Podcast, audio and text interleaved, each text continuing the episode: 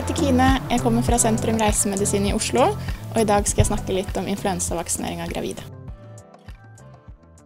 Influensaen smitter ved dråpe og kontaktsmitte, f.eks. noe så enkelt som at noen kan nyse på deg. Eh, og inkubasjonstiden, altså tiden fra du blir smittet til du blir syk, er gjerne ikke mer enn én til tre dager og du kan være syk i, minst en uke. Da er det gjerne en kraftig sykdom i form av feber, eh, nedsatt allmenntilstand, eh, noen får luftveisplager, muskelsmerter, eh, og det varer som sagt en stund. Mellom 5 og 10% av befolkningen blir influensasyke i løpet av en sesong. Og sesongen er fra sen høst til ca. april. Det finnes influensavirus type A og B samt undergrupper av A. Og disse virusene er i stadig endring, så derfor er det ønskelig at vi vaksinerer oss før hver sesong. Altså vaksinere seg hvert år eh, mot det influensaviruset som, som, kommer denne sesongen. Og gjør det gjerne i, i september-oktober, eh, så er du beskyttet når det virkelig setter i gang rundt desember.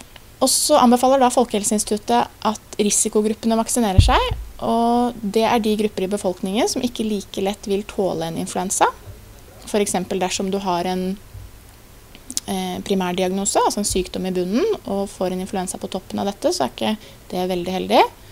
Og det er også anbefalt at gravide i andre og tredje trimester vurderer vaksinasjon.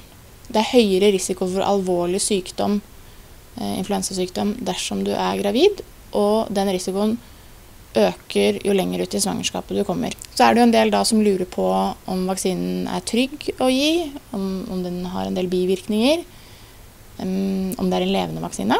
Uh, og det er det ikke. Det er en inaktivert, drept vaksine. Den har vært på markedet i mange, mange år. Uh, den første influensavaksinen ble utviklet på 1940-tallet. Den gir stort sett litt ømhet rundt stikkstedet. Og noen få får litt lettere sykdomsfølelse som, som, ikke varer så veldig lenge. Så det er en godt tolerert vaksine. Og det er som regel mye verre å få en influensa enn å, å få den vaksinen. Av alle vaksinerte så er det ca. 50-80% som oppnår beskyttelse. Så i tillegg til å ta vaksinen, eller i hvert fall vurdere å ta den, så er det anbefalt at man vasker seg godt nok på hendene, ofte på hendene, Eh, og at man ikke bevisst nyser eller hoster på noen, og at man holder seg hjemme hvis man er syk, slik at man ikke sprer smitten videre. Det er også ønskelig at andre i husstanden vurderer vaksinasjon for å beskytte mor og barn, altså foster. Eh, F.eks. Eh, pappa og søsken. For selv om kanskje de vil tåle influensaen mye bedre, så, så er det jo ikke ønskelig at de skal smitte mor og barn. Så det er en vaksine som, som kan vurderes til flere enn bare risikogruppene.